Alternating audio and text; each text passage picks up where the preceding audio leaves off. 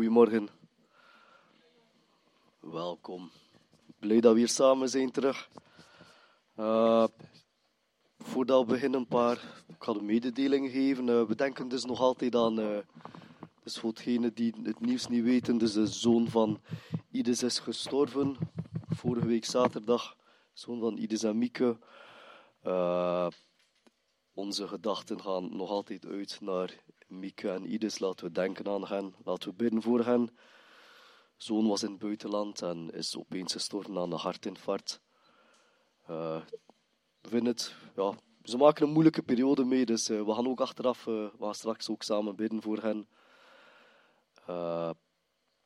voor de rest, het is um, mededeling vinden jullie anders ook nog in potscherven. Kun je het nalezen. Ik heb hier niet meer veel te vertellen. we gaan samen danken. We gaan samen God zoeken. En uh, dan gaan we de boodschap ontvangen van David. Dank u wel, Vader, voor deze mooie dag. Dat we hier samen zijn. Om u te zoeken, om bij te zijn. Om samen elkaar te bemoedigen, om bemoedigd te worden door u. Om terug in contact te zijn met u. Vraag deze ochtend dat u dat u allemaal onze harten opent, dat u onze harten aanraakt, dat u tot ons spreekt. Vader, dat u echt tot ons spreekt en dat u ons ook gebruikt om verder tot mensen te spreken, mensen aan te raken met onze levens. Bid u echt u, uw zegen over ons allemaal hier. Wij allemaal samen. We zijn hier met u, voor u, Vader. We vertrouwen op u in alles wat we doen. En we zijn dankbaar dat we mogen vertrouwen op u. Dank u wel. Amen. We gaan samen recht staan in de naam van de Vader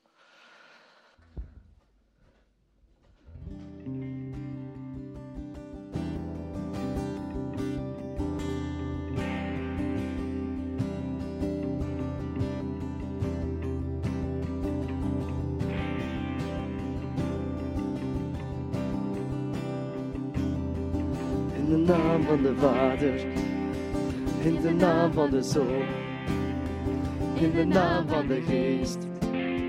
Voor uw troon zijn wij hier gekomen en verhogen uw naam. U geeft ons genade, u roepen wij aan.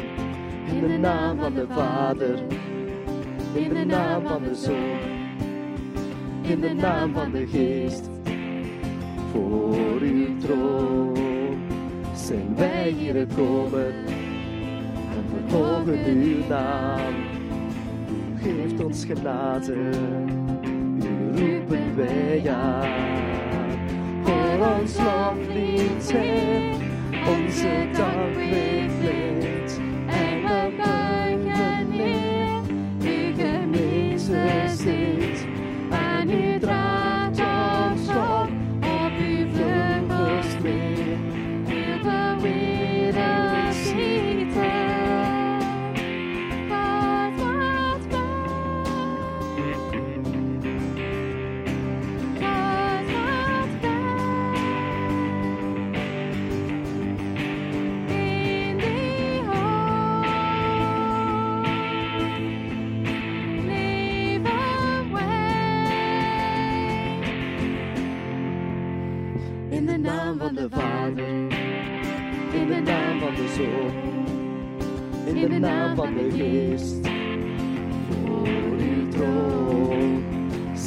wij hier gekomen en verhogen uw naam. U geeft ons genade, riepen wij aan. Voor ons Heer, onze dank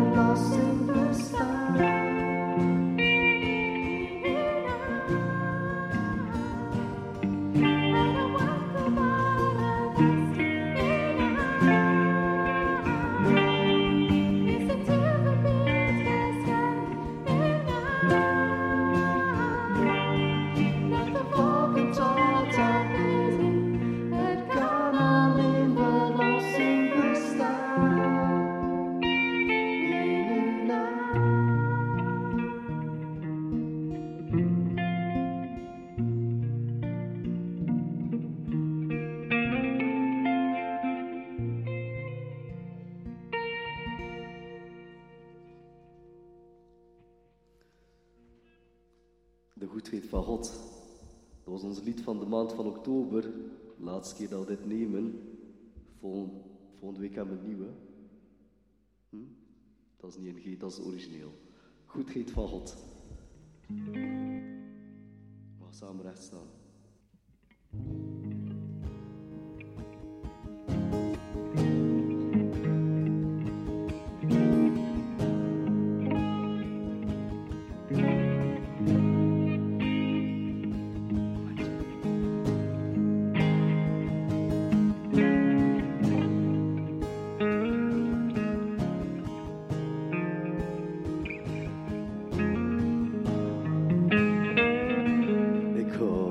nu. Uw genade blijft me dragen, dag aan dag, in de palm van uw hand. Van de morgen tot de avond, als ik weer slapen ga, zing ik steeds van de goedheid van God.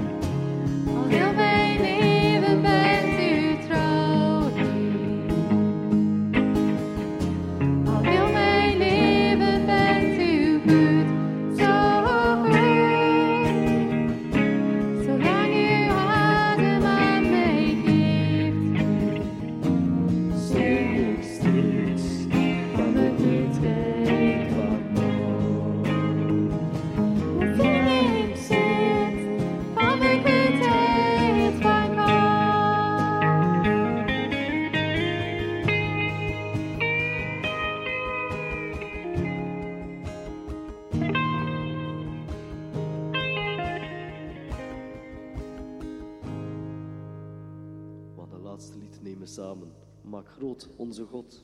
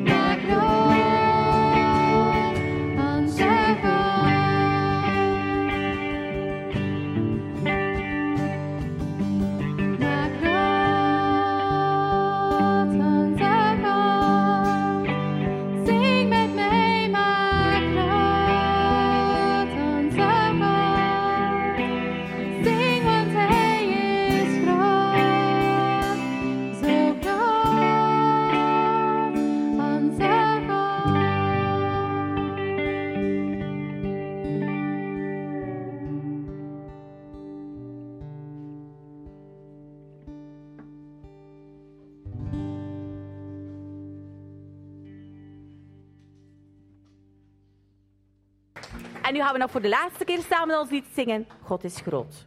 Zijn jullie klaar? We kunnen samen rechts staan. God is zo groot. Kom op in naar.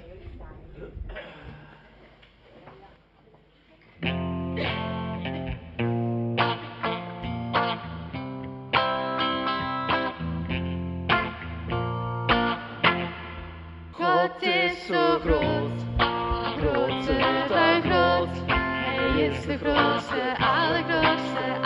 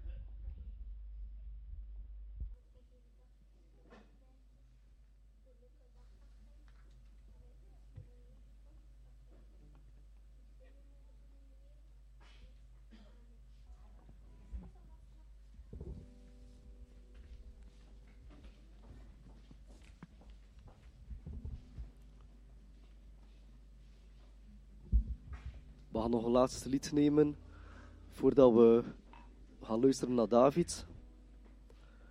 Genade, zo oneindig groot, amazing grace.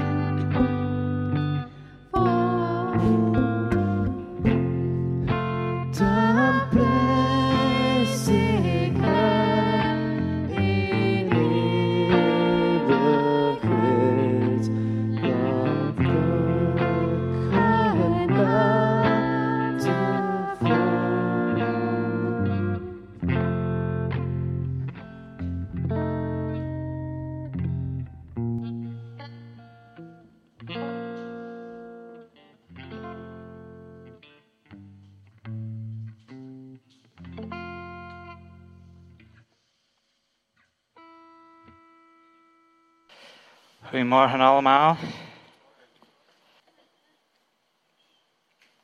Binnenkort is het Allerheiligen en Allerzielen.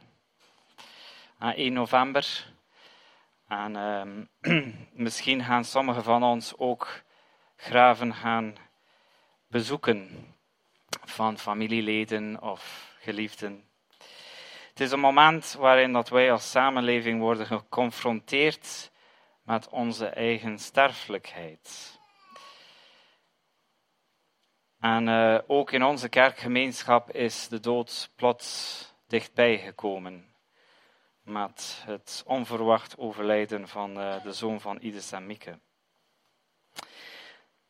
Vanmorgen wil ik het hebben over de dood. Wat zegt de Bijbel over de dood? Hoe moeten wij als christenen denken over zij die in slaap gevallen zijn? Waar zijn ze? En wat betekent dit alles voor ons eigen sterfelijkheid? Op basis van de tekst in de Bijbel wil ik deze vragen samen met jullie proberen te beantwoorden. En de tekst is uit de brief, de eerste brief aan de Thessalonicensen. 1 Thessalonicensen, hoofdstuk 4, 13, vers 13 tot en met 18.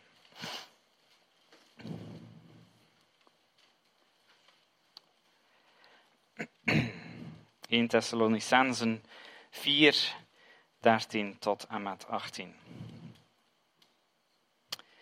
Maar ik wil niet, broeders, dat u onwetend bent ten aanzien van hen die ontslapen zijn. Opdat u niet bedroefd bent zoals ook de anderen die geen hoop hebben.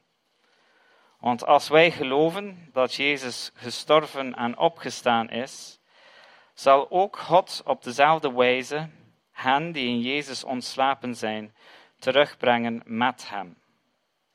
Want dit zeggen wij u met een woord van de Heere, dat wij die levend zullen overblijven tot de komst van de Heere, de ontslapenen beslist niet zullen voorgaan.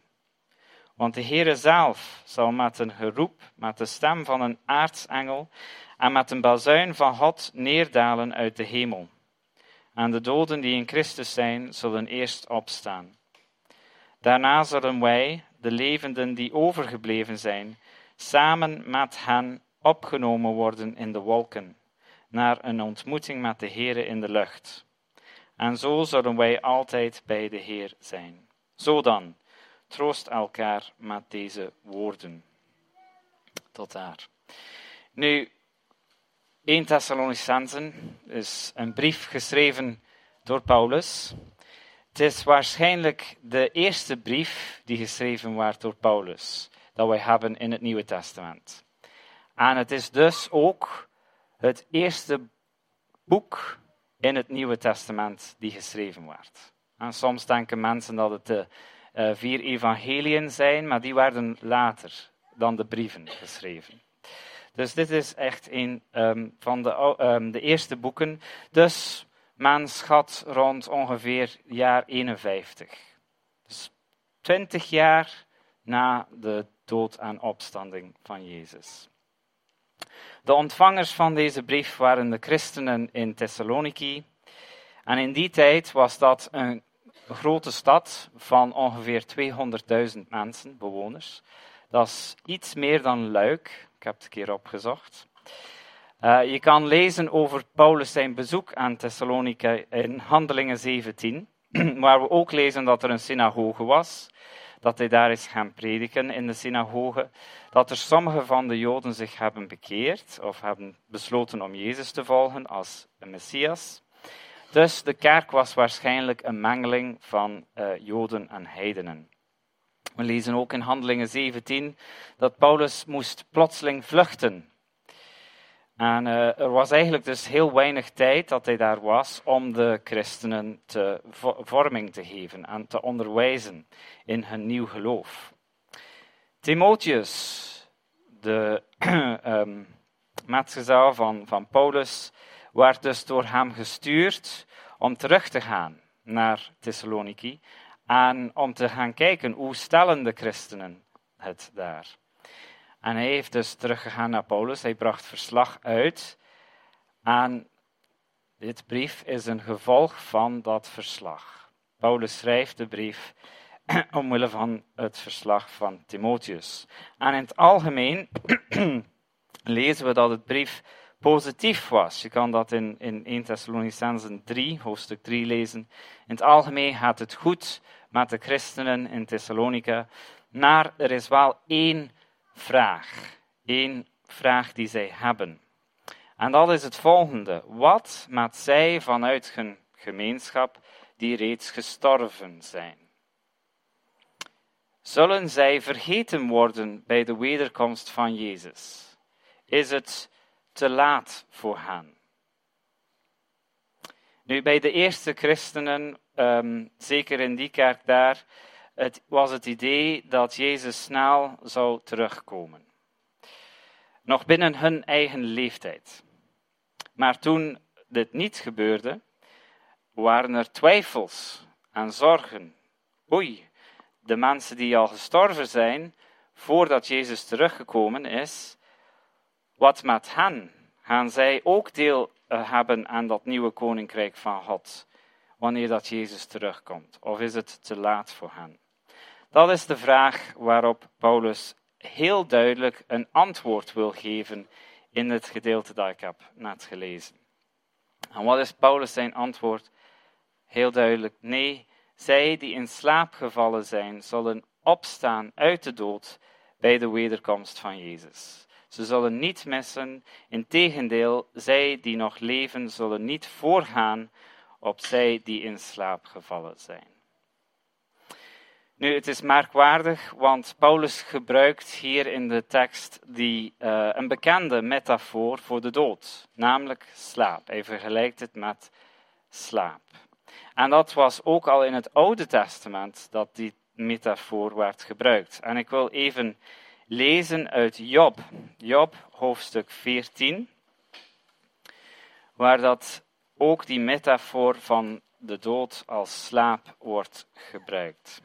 En ik ga eigenlijk het volledige hoofdstuk lezen, want um, het toont iets van de spanning in het Oude Testament ten opzichte van de dood. Job 14. De mens, geboren uit een vrouw, is kort van dagen en verzadigd van onrust. Als een bloem komt hij op en hij verwelkt. Hij vlucht als een schaduw en houdt geen stand. Ja, voor zo iemand doet u uw ogen open en u brengt mij met u in het gericht. Wie zal een reine geven uit een onreine? Niet één. Als zijn dagen vastgesteld zijn, het getal van zijn maanden bij u bekend is, en u zijn grenzen bepaald heeft, die hij niet kan overschrijden. Wend uw blik dan van hem af, zodat hij rust vindt, en als een dagloner van zijn dag geniet. Want voor een boom is er, als hij omgehakt wordt, nog hoop dat hij zich weer vernieuwt en zijn jonge loten niet ophouden uit te lopen. Al wordt zijn wortel in de aarde oud en sterft zijn stronk in het stof, bij het ruiken van water zal hij weer uitlopen en maakt hij weer een twijg zoals een plant. Maar een man sterft en is krachteloos.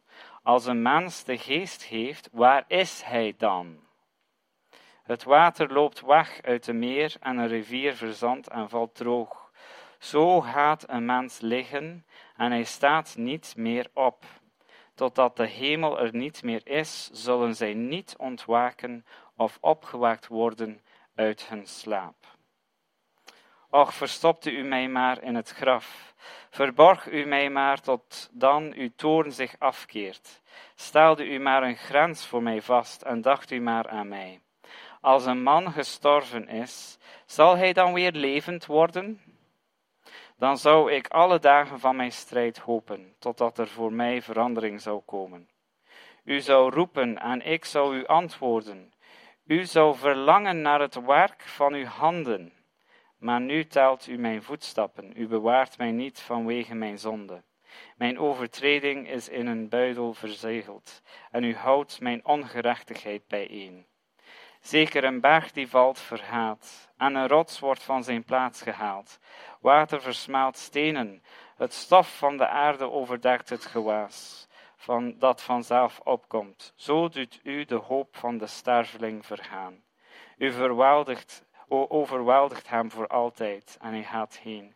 U verandert zijn gezicht en stuurt hem weg. Zijn kinderen krijgen aanzien en hij weet het niet, of zij worden veracht en hij let niet op hen. Maar zijn vlees aan hem leidt pijn en zijn ziel binnen in hem rouwt. Hier zie je duidelijk die spanning in het Oude Testament. Aan de ene kant, de dood lijkt zo definitief, zo finaal, zo beslissend. Vers 10 tot 11 is toch chockerend voor in de Bijbel. Maar een mens sterft en is krachteloos. Als de mens de geest geeft, waar is hij dan? Het water loopt weg uit de meer en een rivier verzandt en valt droogt. Zo gaat een mens liggen en hij staat niet meer op. Totdat de hemel er niet meer is, zullen zij niet ontwaken of opgewekt worden uit hun slaap. Dus de dood lijkt zo definitief, zo finaal.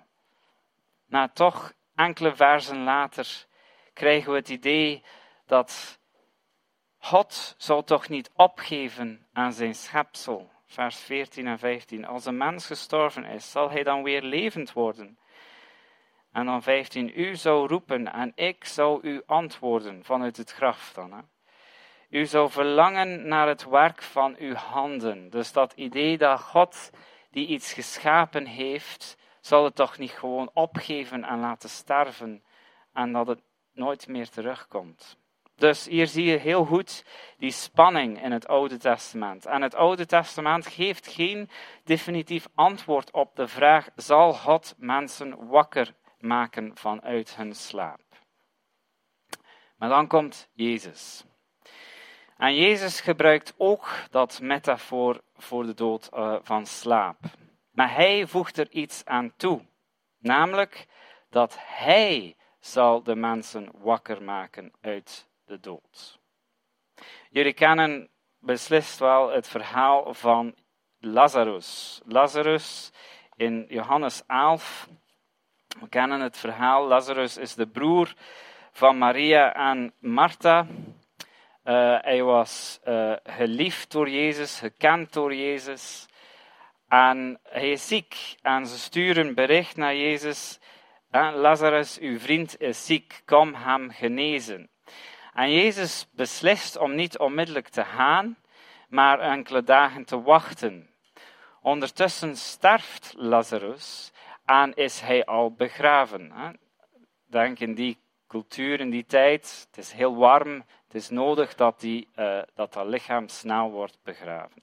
Dus Jezus komt toe en is al begraven.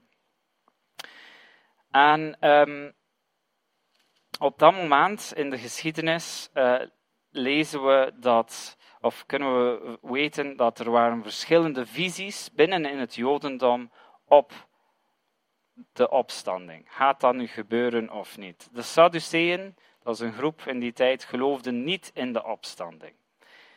Maar er waren ook anderen die wel dachten de rechtvaardigen zouden opstaan. En een van hen is Martha, de zus van Lazarus. Want zij antwoordt Jezus, ik weet, in vers 24 van Johannes 11, ik weet dat hij zal opstaan, dus Lazarus, bij de opstanding van op de laatste dag. Dus er is wel sommigen die in die tijd geloofden, er is wel een opstanding op de laatste dag voor de uh, rechtvaardigen. Maar uh, Jezus gebruikt ook dat metafoor van slaap, want hij zegt in vers 11, dit sprak hij, Jezus, en daarna zei hij tegen hen, Lazarus, onze vriend, slaapt. Maar ik ga naar hem toe om hem uit de slaap op te wekken.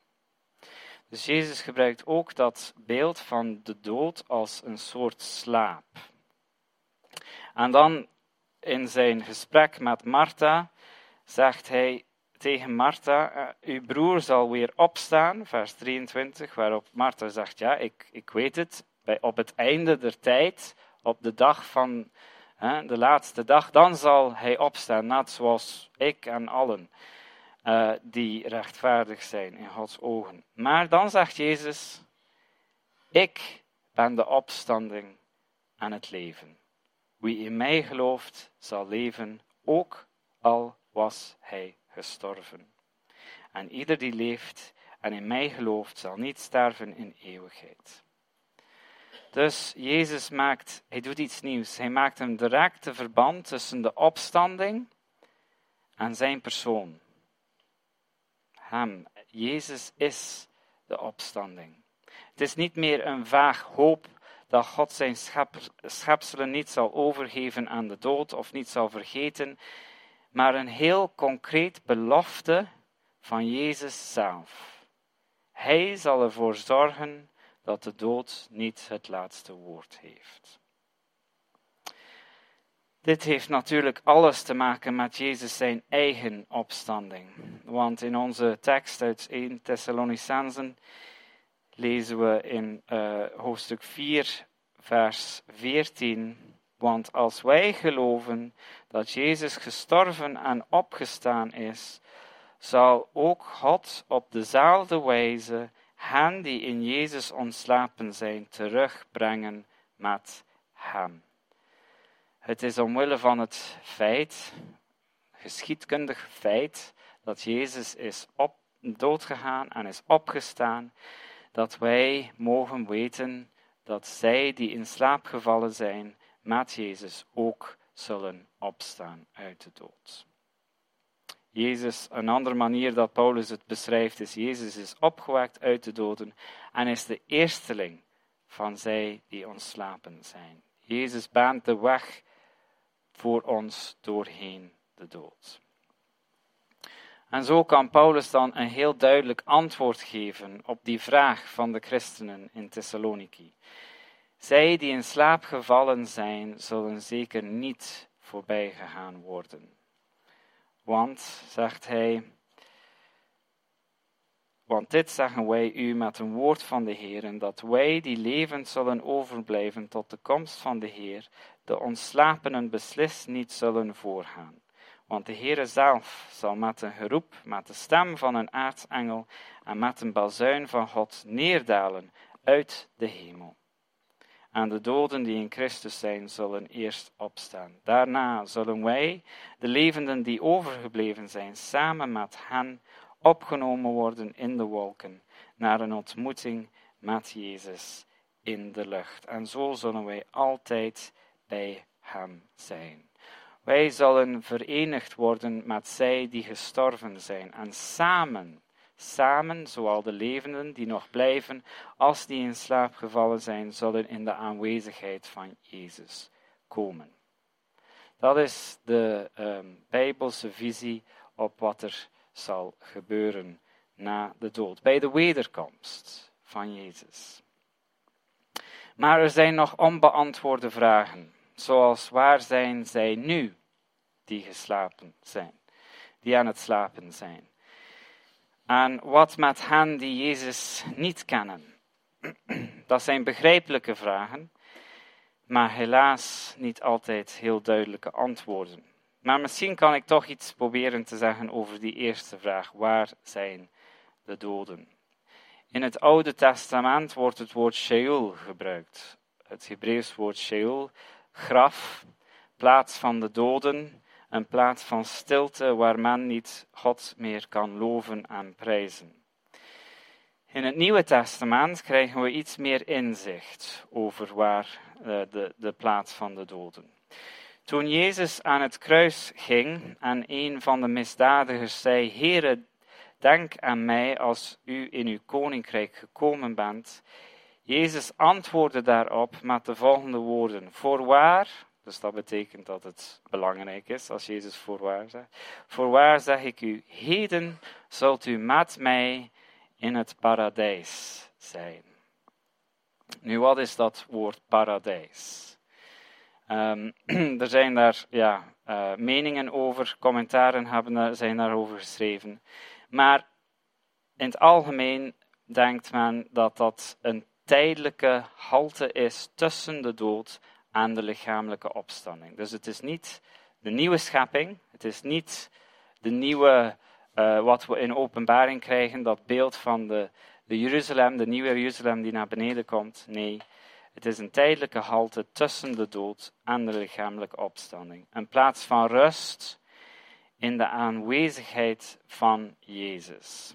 Nu, ik wil hierbij onmiddellijk zeggen, ik heb het niet over het vage vuur. Als men denkt, oh, dat klinkt een beetje gelijk het vage vuur. Nee, dat is een doctrine dat later is ontstaan tijdens de middeleeuwen. En eigenlijk veel van het middeleeuws beeld van leven na de dood zit vol fouten. het heeft meer te maken met het boek van Dante, de goddelijke komedie, dan de Bijbel. Maar goed, in de Bijbel is het heel duidelijk dat de eindbestemming van mensen niet de hemel is, waar God zijn troon is, maar een nieuwe aarde, een nieuwe geschapen, eh, een nieuwe schepsel, een nieuwe aarde. En dat God naar beneden komt. Dat er opnieuw hemel en aarde komen opnieuw samen. De tempel, Jeruzalem, die naar beneden komt. En God die tussen zijn mensen opnieuw wandelt. tuss- Tussen zijn volk opnieuw wandelt. Dus het is niet dat wij omhoog gaan, het is dat Jezus naar beneden komt. Dat is het beeld in de Bijbel. Deze week sprak ik met een patiënt die ongeneeslijk ziek is en ik vroeg eh, die patiënt over de dood en of die patiënt daar zich zorgen in maakte. En het antwoord dat ik kreeg was het volgende: Nee, ik maak mij geen zorgen. Ik ga slapen en wanneer ik wakker word, zal Jezus daar zijn. En dat denk ik is de sleutel, de persoon van Jezus. Wij kunnen ons niet voorstellen hoe het is om zonder lichaam te zijn. Het is onmogelijk. We, hebben alleen maar, we kunnen alleen maar leven met een lichaam. Maar er is wel iets dat blijft. En dat is doorheen de dood. En dat is onze relatie met Jezus. Jezus is ons voorgegaan en hij is al door die passage gegaan van de dood. En hij kan met ons meegaan doorheen de ervaring van de dood. En ik hoop, ik bid voor mijzelf dat wanneer mijn eigen tijd nadert, dat ik dezelfde geloof en vertrouwen heb zoals die patiënt. Wetend dat de dood niet het einde is, maar een tijdelijke overgang naar een nieuwe dag. Wetend dat Jezus mij nooit loslaat, zelfs niet in de dood. Ik wil eindigen met toch nog enkele ehm, eh, sleutelwoorden of, of dingen om ons te helpen eh, als we deze week tegemoet gaan, waar dat we misschien geconfronteerd worden met onze eigen sterfelijkheid. Hoe moeten we daarover nadenken? Wel, we zijn ondertussen 2000 jaar later, hè, na eh, de tijd van het Nieuwe Testament. We wachten nog steeds op de wederkomst van Jezus. En ondertussen zijn er velen die in slaap gevallen zijn. En misschien zullen sommigen van ons gaan herdenken deze week. Ah, ik wil afsluiten met twee woorden om ons te helpen omgaan uh, met die tijdelijke kloof tussen ons en hen. Eén is verbondenheid. Verbondenheid. Nu, toen ik student was, weigerde ik eens om mee te doen aan een avondmaal in een kerkviering, omdat de voorganger had gezegd dat wij verbonden zijn met christenen in het verleden, heden en toekomst. En ik dacht bij mijzelf, dat kan niet, want zij die gestorven zijn nemen geen avondmaal en zij zijn bij Jezus en in de hemel en daar is er geen avondmaal. Maar nu besef ik dat mijn theologie toen niet helemaal klopte. De boodschap van het evangelie is net dat niets of niemand ons kan scheiden van de liefde van God in Christus. Nog het kwaad, nog onze zonde, zelfs niet de dood. Wij zijn dus allemaal in Christus. Of we nu hier in ons aardse lichaam nog steeds zijn, of zij die reeds in slaap gevallen zijn. We zijn allemaal in Christus. Ook die in slaap gevallen zijn, blijven in Christus. En samen met hen wachten wij op de wederkomst van Jezus. wanneer hij uiteindelijk het koninkrijk zal ontvangen. Dus in Christus blijven wij ook verbonden met zij die ons voor zijn gegaan. Dus verbondenheid. En het tweede woord is inspiratie. In Hebreeën 12 lezen we, wel nu dan, laten ook wij, nu wij door zo'n menigte van getuigen omringd worden, afleggen alle last en de zonde die ons zo gemakkelijk verstrikt. En laten wij met volharding de wedloop lopen die voor ons ligt. Een bekende passage. Wij zijn omringd door de getuigen. Dat zijn mensen die voor ons zijn gegaan. Voorbeelden voor ons om te volgen. Wij zijn niet alleen. Wij zijn deel van een veel groter verhaal dat al duizenden generaties voortgaat. En de getuigenis van christenen die voor ons zijn gegaan, hun verhalen kan ons inspireren. Hun voorbeelden kan ons inspireren om de moed niet op te geven, maar net zoals zij dat zijn geweest, om trouw te blijven tot aan het einde.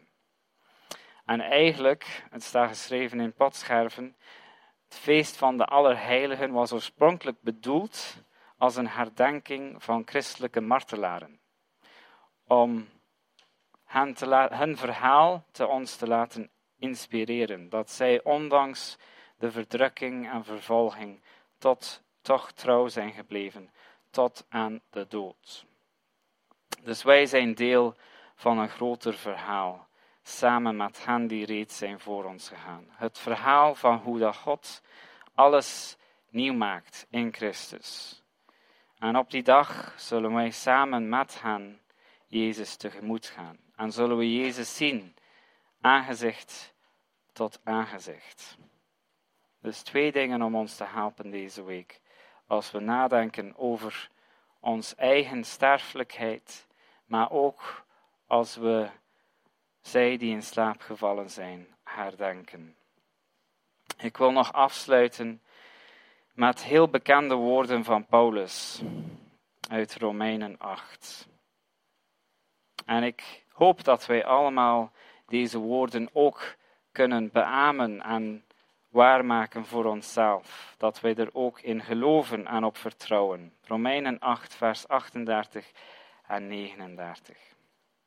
Want ik ben overtuigd dat nog dood, nog leven, nog engelen, nog overheden, nog krachten, nog tegenwoordige, nog toekomstige dingen, nog hoogte, nog diepte, nog enig ander schepsel ons zal scheiden van de liefde van God in Christus Jezus, onze Heer. Amen.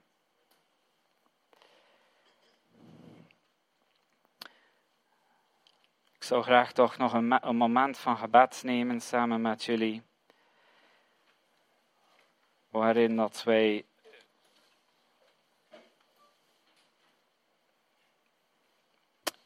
ook bidden voor de mensen die uh, geliefden hebben verloren. Laten we ook bidden voor Ides en Mieke tijdens deze moeilijke tijd van, van rouw. En als er nog andere mensen zijn waarvan je weet, bid gerust voor hen ook. Ieder voelt zich vrij om luidop te bidden en ik zal dan afsluiten.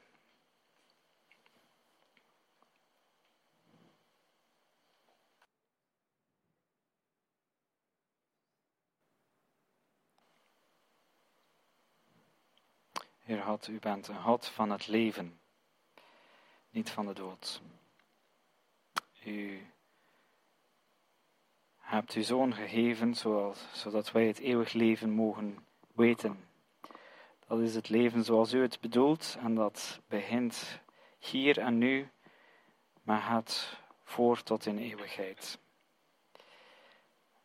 Heer, wij danken u dat u kracht door uw geest hebt u uw zoon ook uit de dood doen opstaan. Dat zelfs de dood niet krachtig genoeg was om hem vast te houden. En zo weten we, Heer, dat ook door datzelfde kracht, datzelfde opstandingskracht, wij mogen weten dat U ook zij die in slaap gevallen zijn, zullen opstaan uit de dood. Heer, ik bid dat deze woorden diep van binnen mogen ons aanraken. Dat wij mogen inderdaad weten dat niks kan ons scheiden van uw liefde. Heer, troost hen die geconfronteerd zijn met de dood. Wees hen nabij, net zoals ook u nabij was bij Maria en Martha. U weende samen met hen. Heer, troost Iris en Mieke op dit moment van verlies en rouw. In Jezus' naam. Amen. Er is een lied die eh, hierop mooi aansluit. Dat is een lied eh, die gaat over wanneer dat de bergen eh, uit elkaar gaan en wanneer dat de heuvels weggaan. Onze liefde blijft eh, tussen ons en God. En het is een Frans lied. Het is een lied eh, die Christine mij al had gevraagd twee jaar geleden om het eens te nemen en ik heb het daar. Dus na twee jaar gaan we het eens doen. Past net bij deze preek. Was heel toevallig. Quand les montagnes s'éloigneraient. We zijn altijd verbonden met Jezus. Verbonden met elkaar. Maar vooral ook op het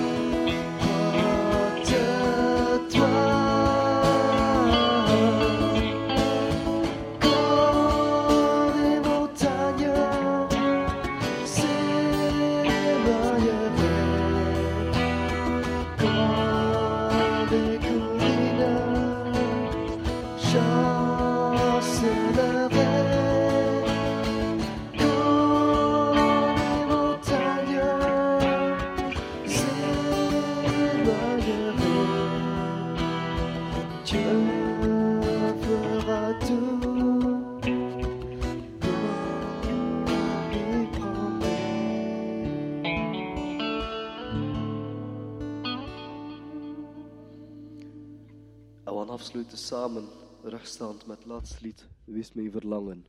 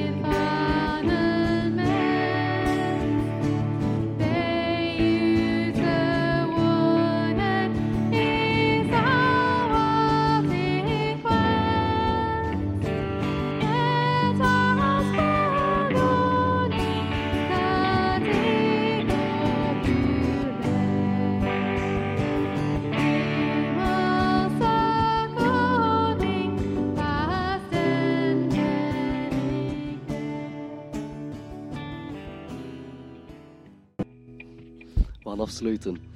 Dank u wel, Vader, voor deze dag. Voor dit moment dat we hier samen kunnen zijn.